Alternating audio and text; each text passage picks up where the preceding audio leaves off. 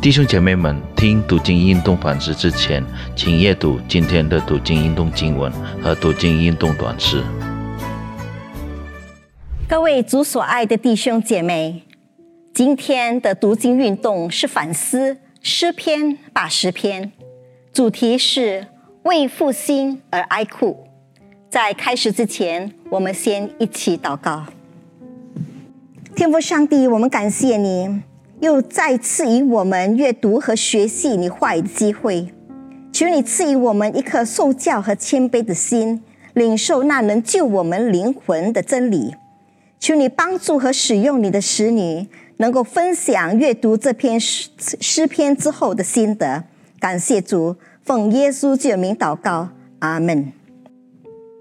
各位主所爱兄弟姐妹，在今天反思的诗篇八十篇中。诗人三次向上帝呼求：“求你使我们回转，使你的脸发光，我们便要得救。”人要回转之前，就必须要悔改，脱离罪恶。人的悔改包括谦卑自己，归向上帝，求上帝赦免。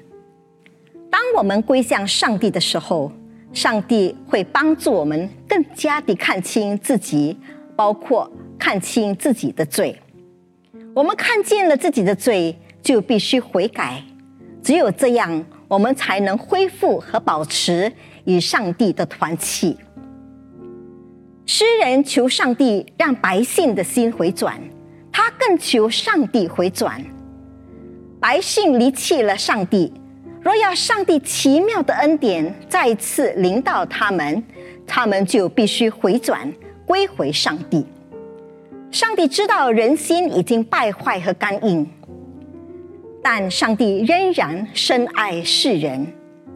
只要回心转意，愿意认罪归向他的，上帝便会复兴他们，饶恕和赦免他们的罪。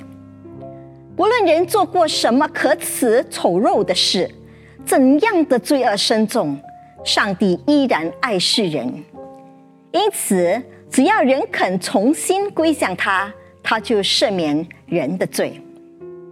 诗人用葡萄园的篱笆被拆毁，野兽进来见他，吃了葡萄和摧残这个民族，来描述他们所遇到的极大的悲哀。因此，诗人求上帝回转，求上帝回心转意，不要继续的惩罚他们。人的心若愿意回转归向上帝，上帝发光的脸象征着上帝的垂顾和接纳。上帝是守约施慈爱的上帝，愿意顾惜归向他的人。我们回转归向他，他就一定会回转接纳我们。各位主所爱弟兄姐妹，我们的上帝是怜悯的主，因此我们要常常在祷告中祈求上帝的怜悯和看顾，使我们和上帝得以恢复关系。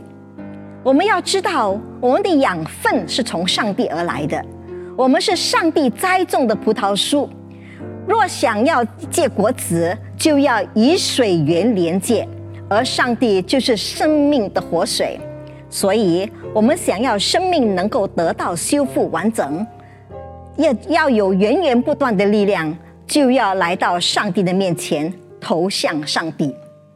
上帝非常乐意我们悔改归向他，使我们明白他的心意，愿意聆听他的劝诫，使我们重新过着属灵的生活。